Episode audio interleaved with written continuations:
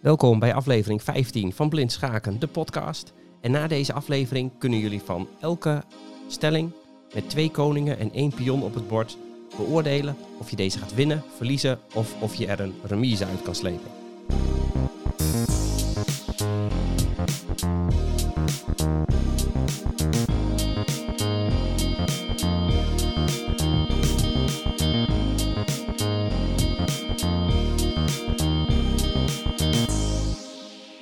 En dat is een uh, gedurfd statement, mensen. Want er zijn nogal wat mogelijkheden mogelijk.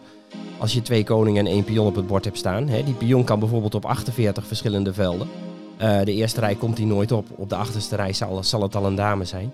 Een van de koningen kan dan nog op 63 velden. En de andere koning heeft dan nog nou, een, uh, bijna 60 velden om op te staan. Dus laten we er ruwweg 50 keer 60 keer 60 van maken. Kom je op 180.000. Dan kun je ook nog hebben dat wit of zwart aan zet is. Misschien mogen we nog een keertje delen, omdat er symmetrie in het bord zit. Maar in ieder geval, het zijn tienduizenden en tienduizenden stellingen die mogelijk zijn met twee pionnen. Of met uh, twee koningen en één pion op het bord. En van al die stellingen kunnen jullie straks beoordelen of je deze gaat winnen, verliezen of er een remise uit kan slepen. Mijn naam is Jan Spoelstra. Welkom bij deze schaakcursus per podcast. Zo jullie horen, ik ben wat verkouden. Maar voor een podcast uh, maakt dat niet uit. Hè. In coronatijd uh, zijn podcasts uh, eigenlijk groot en populair geworden. En uh, gelukkig zit ik niet recht tegenover jullie. Het is overigens geen corona, het is gewoon een verkoudheid. Goed, ik ga dat doen aan de hand van een korte samenvatting van de vorige twee podcasts over de cruciale velden. Waar moet je komen te staan met je koning om te winnen? En daarna ga ik aan de hand van drie stellingen proberen te verdedigen. Proberen die pion tegen te houden en jullie daar wat uh, technieken voor bij te brengen. Aan het eind van de podcast, na de outro tune, zit nog een bonus met een leuke, met een leuke verdedigende set die je moet zien te vinden. Oké, en voor, dit, uh, voor deze samenvatting van de vorige twee podcasts heb ik eigenlijk alleen het schaakbord en één pionnetje van wit nodig. En we hebben eigenlijk drie verschillende pionnen gezien. We hebben pionnen gezien die op uh, de rijen, op de kolommen Bella tot en met Gustav staan. B, C, D, E, F en G. En die nog uh, op rij 2, 3 of 4 staan. Nou, voor die pionnen geldt, um, stel hij staat op C3. Voor dat soort pionnen geldt, de cruciale velden liggen daar twee stappen voor, op C5. Of twee stappen ervoor en één naar links op Bella 5 of twee stappen ervoor en één naar rechts op David 5. Die drie velden, als je daar met je eigen koning in kan komen te staan, gaat die pion het halen. Als de tegenstander dat kan voorkomen, gaat hij het niet halen. Oké. Dan is het misschien ook goed om te weten, die cruciale velden die schuiven op. Dus als wit op een gegeven moment zijn pionnetje op zou spelen, dan gaan die cruciale velden schuiven op en dan wordt de verdediging voor zwart eigenlijk weer een stukje makkelijker. Oké. Dat is één pion. Maar wat nou als die pion van de rij en Bella tot en met Gustav voorbij de vierde rij is, dus bijvoorbeeld op de, op de vijfde rij staat, ik zet de, de, de witte pion nu even op C5, dan neemt het aantal cruciale velden met 3 toe. Als die pion op C5 staat, dan is het zeshoekje voor die pion, en dat zeshoekje dat loopt van uh, Bella 6, Bella 7, uh, Caesar 6, Caesar 7, David 6 en David 7, die zes velden, ja, als jouw pion op C5 staat, dan zijn die zes velden de cruciale velden. Kom jij daarin met je koning, dan gaat die pion het halen. Als de tegenstander dat weet te voorkomen, dan haalt hij het niet. Oké. Dan zijn bijzondere pionnen, pionnen die aan de rand staan. Dus pionnen die op de A-kolom of de H-kolom staan. Anna, Hector. Voor die pionnen geldt dat er eigenlijk maar twee cruciale velden zijn en die liggen bovendien heel ver weg. Stel je pion staat op Anna 3, dan zijn de cruciale velden Bella 7 en Bella 8. En als je pion bijvoorbeeld op Hector 3 staat, dan zijn de cruciale velden Gustav 7 en Gustav 8. Als je met jouw koning op die twee velden komt te staan, zonder dat de tegenstander jouw pion kan slaan, gaat die pion het halen. In alle andere gevallen weet zwart het te verdedigen. Nou, dat verdedigen, dat ga ik nu laten zien hoe je dat doet als je het weet te voorkomen dat wit daar kan komen te staan. Ja, en voor deze eerste stelling zetten we de witte koning op Felix 2. We zetten de witte pion op Caesar 3. En de zwarte koning op Gustav 8. Ehm, ik heb het bord vanuit het perspectief van zwart liggen. Dus linksonder is Hector 8. Rechtsonder is het veld Anna 8. Linksboven ons is het veld Hector 1. En rechtsboven is het veld Anna 1. Dus we moeten eventjes een soort flip maken met het bord. Maar we zullen in de toekomst vaker vanuit het zwarte perspectief spelen. En dan moeten we de notatie ook zo, uh, zo, zo in ons hoofd hebben. Dus uh, het is goed om dat nu alvast te oefenen in een stelling met wat, wat minder stukken op het bord. Oké, nogmaals de stelling, of tenminste de vraag die bij de stelling hoort uh, als eerst, die is... zwart is aan zet, haalt die pion van wit de overkant of kunnen we hem tegenhouden? En hoe doe je dat? Nogmaals de stelling. De witte koning staat op Felix 2 de witte pion op Caesar 3 en de zwarte koning staat op Gustav 8. Zwart is aan zet, haalt die witte pion de overkant of niet? En hoe hou je hem tegen? Zet de podcast gerust even op pauze, probeer het zelf uit te spelen, kijk waar je op uitkomt. Maar het goede antwoord is, die pion haalt de overkant niet. Daarvoor kijken we eerst even naar de kwadrantregel. We trekken een, uh, een eh, vierkant van C3 naar C8. Even zoveel stappen richting onze koning. Nou, dan kom je op, uh, op Hector 8 uit. En via H3 naar C3 maken we dat vierkant weer af. Staat onze koning daarin? Ja, dus die pion haalt de overkant niet op eigen kracht. Hij heeft zijn eigen, de, de koning van wit erbij nodig. Dan kijken we naar de cruciale velden. Nou, inmiddels weten we dat dat Bella 5, Caesar 5 en David 5 zijn, kan die witte koning daar komen? Het antwoord is nee. Kijk maar mee, want de eerste set van zwart is de koning naar Felix 7. Wit gaat naar Eva 3 met zijn koning. Zwart gaat naar Eva 6 met de koning. Wit gaat naar David 4 met de koning. En zwart stapt op David 6 met de koning. We pakken de oppositie.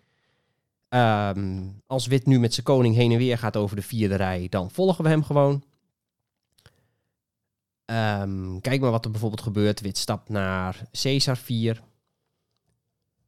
Dan stappen wij met de koning naar Caesar 6. Wit stapt naar Bella 4. Dan stappen wij met de koning naar Bella 6. Dit werkt niet. Nou, dan probeert wit zijn pion naar voren te spelen. Wit speelt zijn pion naar Caesar 4. Wij moeten die cruciale velden blijven bedekken en in de buurt van die witte pion blijven. Dus wij zetten onze koning naar Caesar 6. Nou, dan gaat wit bijvoorbeeld met zijn koning eventjes naar uh, Caesar 3. Dan stappen wij met onze koning naar voren. Wij gaan naar Caesar 5. Nu heeft wit uh, twee zetten die hij kan doen, uh, die ook nog een beetje symmetrisch zijn om die pion niet los te laten. Uh, wit speelt zijn koning naar David 3. En nu moet je opletten. Um, als je gedwongen wordt om naar achteren te gaan met je koning, moet je altijd loodrecht naar achteren stappen. In deze specifieke stelling, waarbij de pion nog niet voorbij de vijfde rij is of voorbij de vierde rij is, maakt het, uh, kun je ook schuin naar links of schuin naar rechts stappen. Of vooral schuin naar links, schuin naar rechts weet ik niet zeker.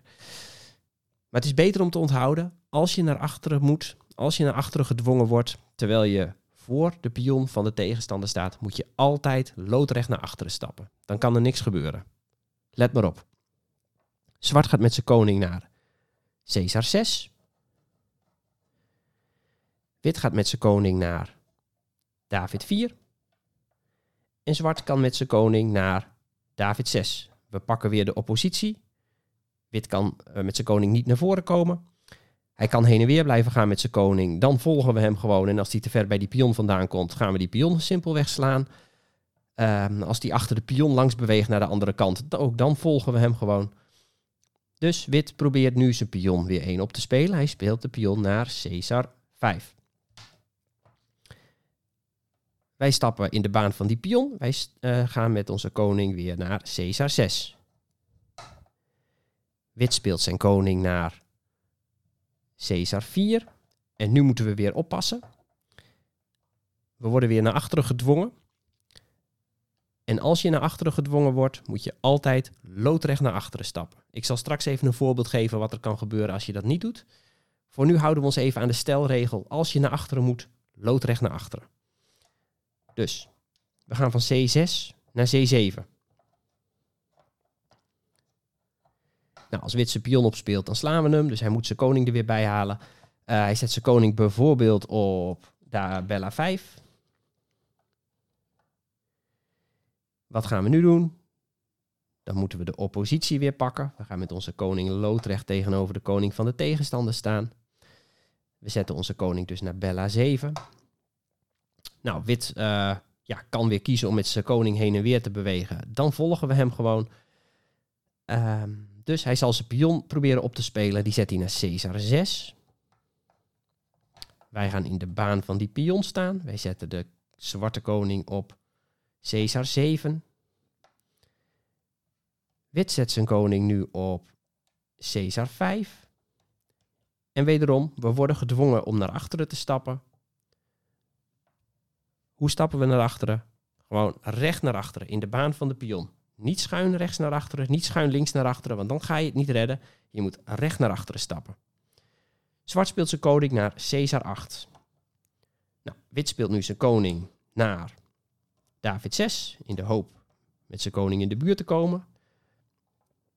De enige zet voor zwart die het remise houdt, is de koning naar David 8.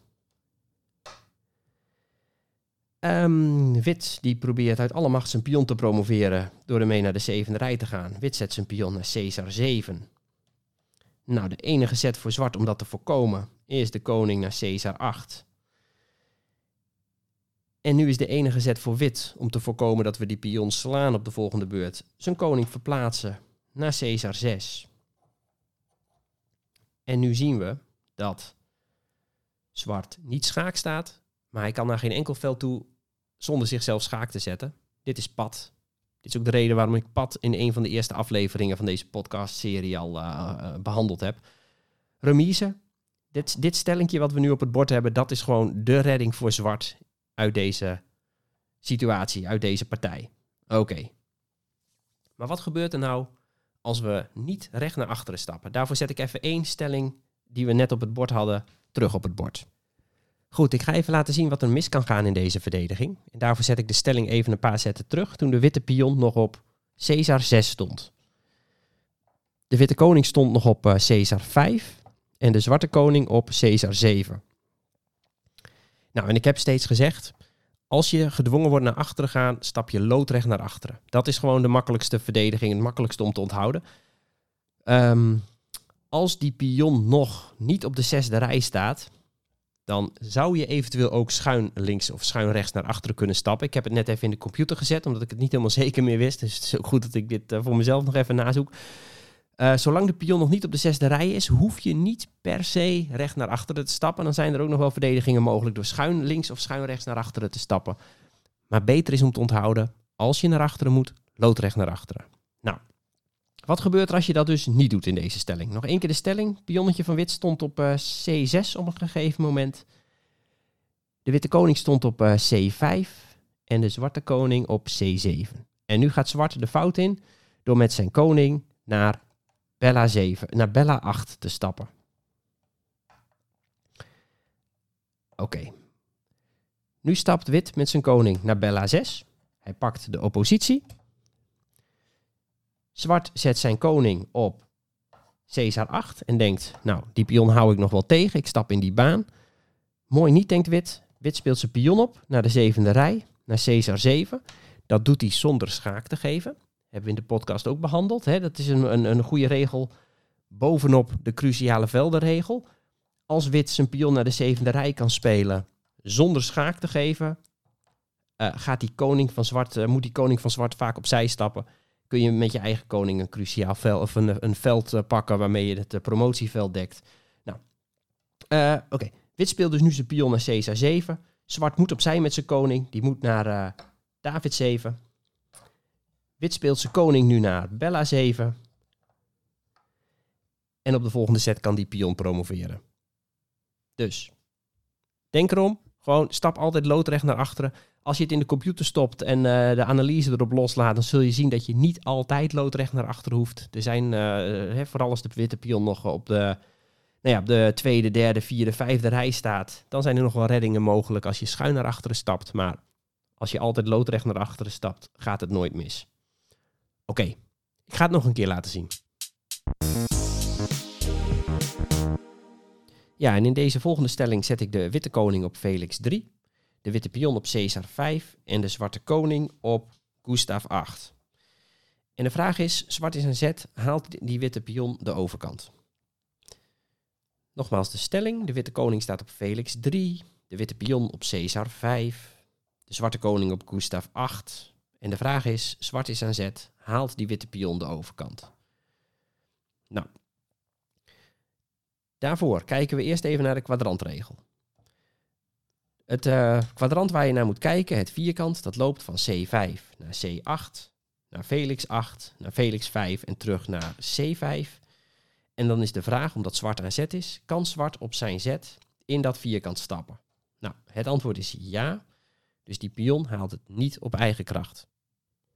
Oké, dan gaan we kijken naar de cruciale velden voor de pion die op C5 staat. Nou, die is voorbij het halverwegepunt.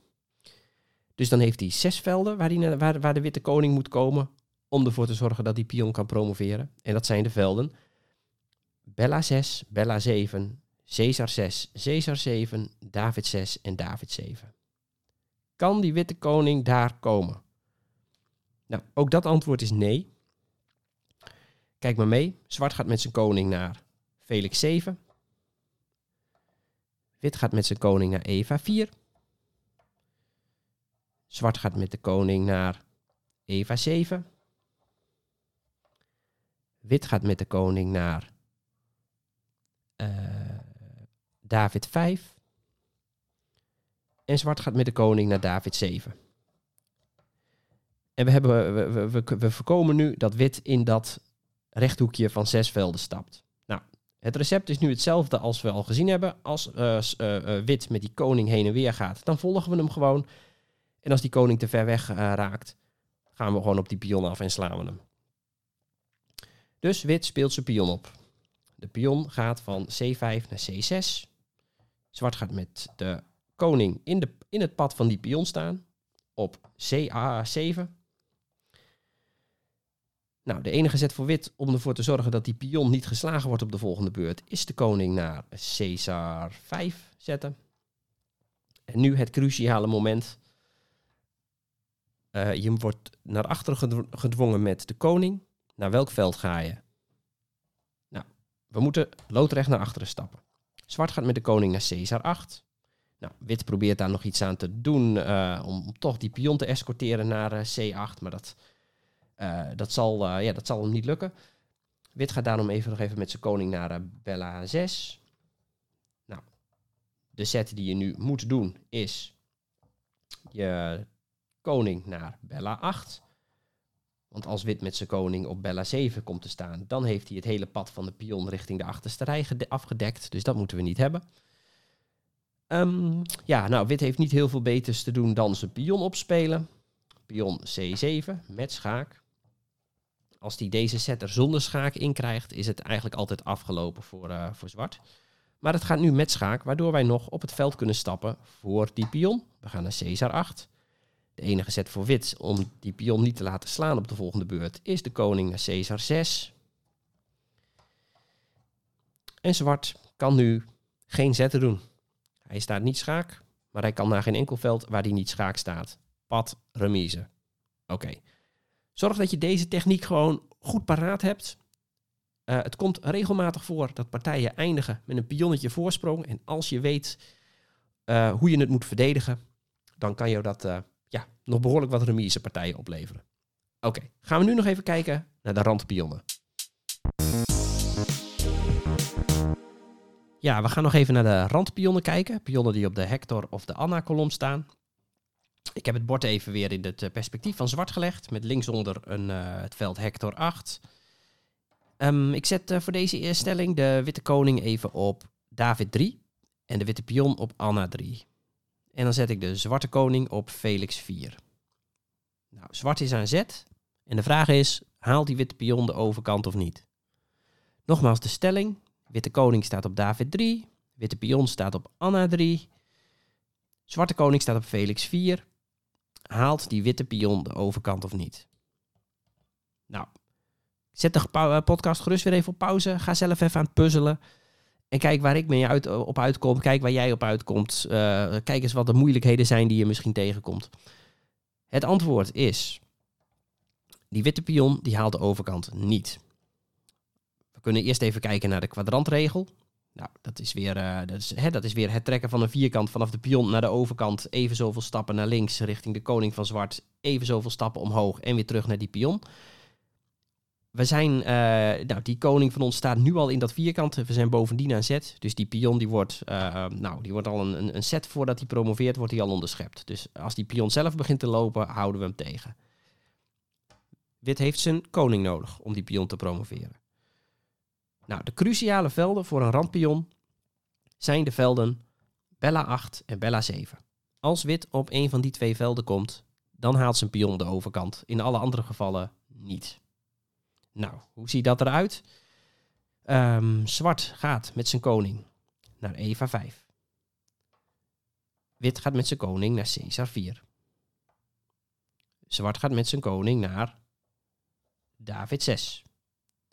Wit gaat met zijn koning naar Bella 5.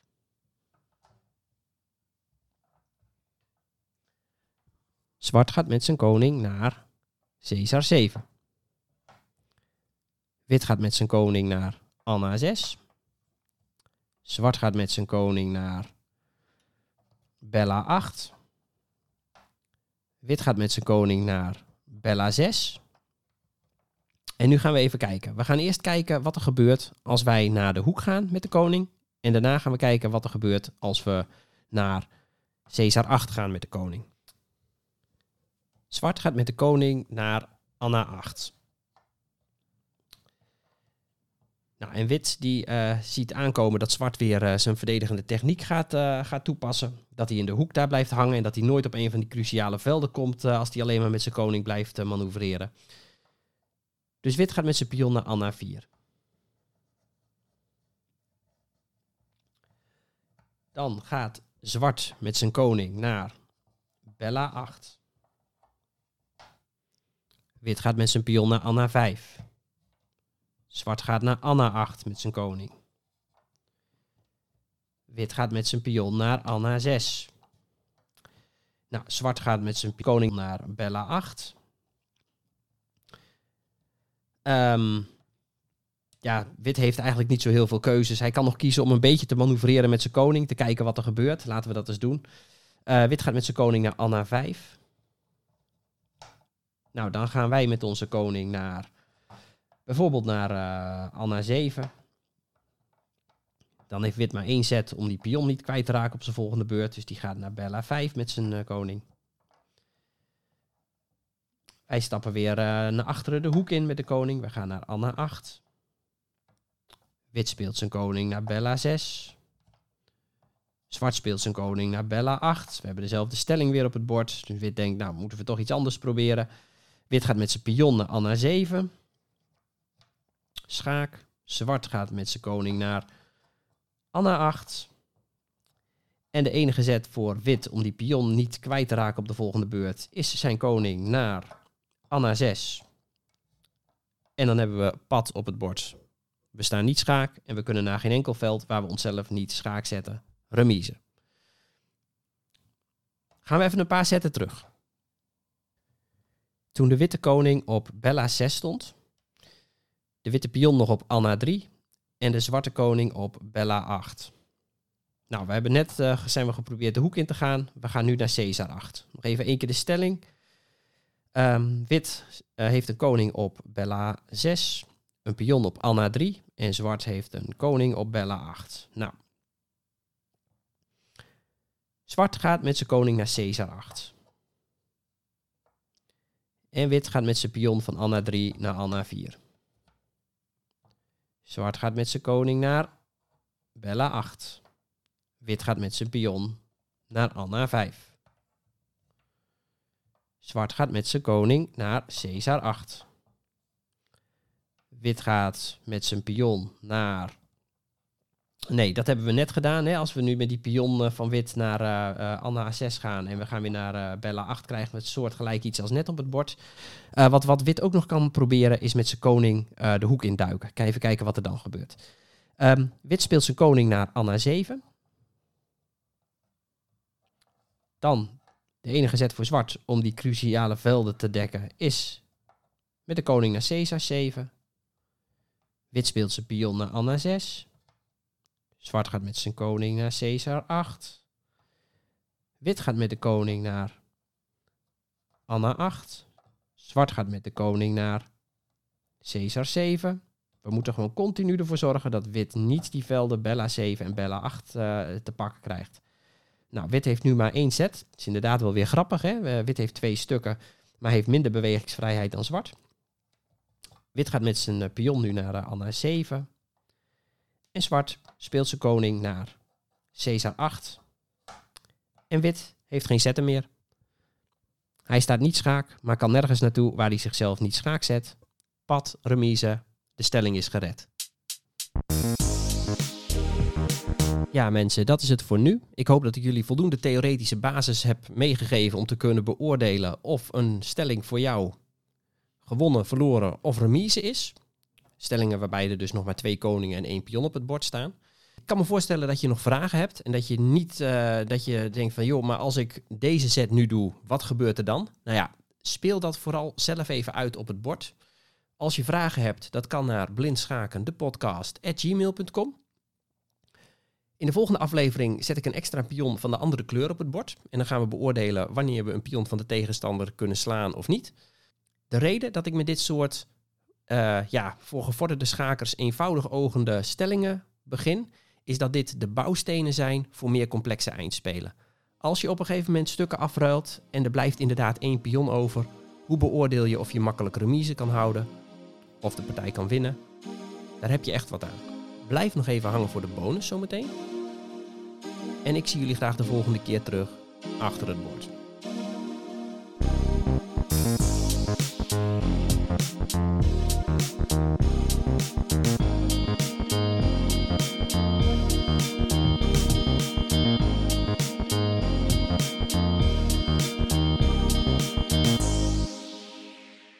Bij deze bonus. Leuk dat je bent blijven luisteren. Ik heb een stelling voor me op het bord die een uh, leuke verdedigende set voor zwart illustreert. Um, ik heb het bord weer vanuit het zwarte perspectief liggen. Linksonder ligt dus het veld Hector 8. En ik zet de witte koning op Gustav 3. Ik zet een witte pion op Anna 6. Dan zet ik de zwarte koning op Gustav 1. En een zwarte pion op Anna 7. En de vraag is, zwart is aan zet. Welk van zijn twee zetten die hij mag doen, is het best? zwart kan met zijn koning naar Felix 1 of naar Hector 1. Nogmaals de stelling. De witte koning staat op Gustav 3. Een witte pion staat op Anna 6. De zwarte koning staat op Gustav 1.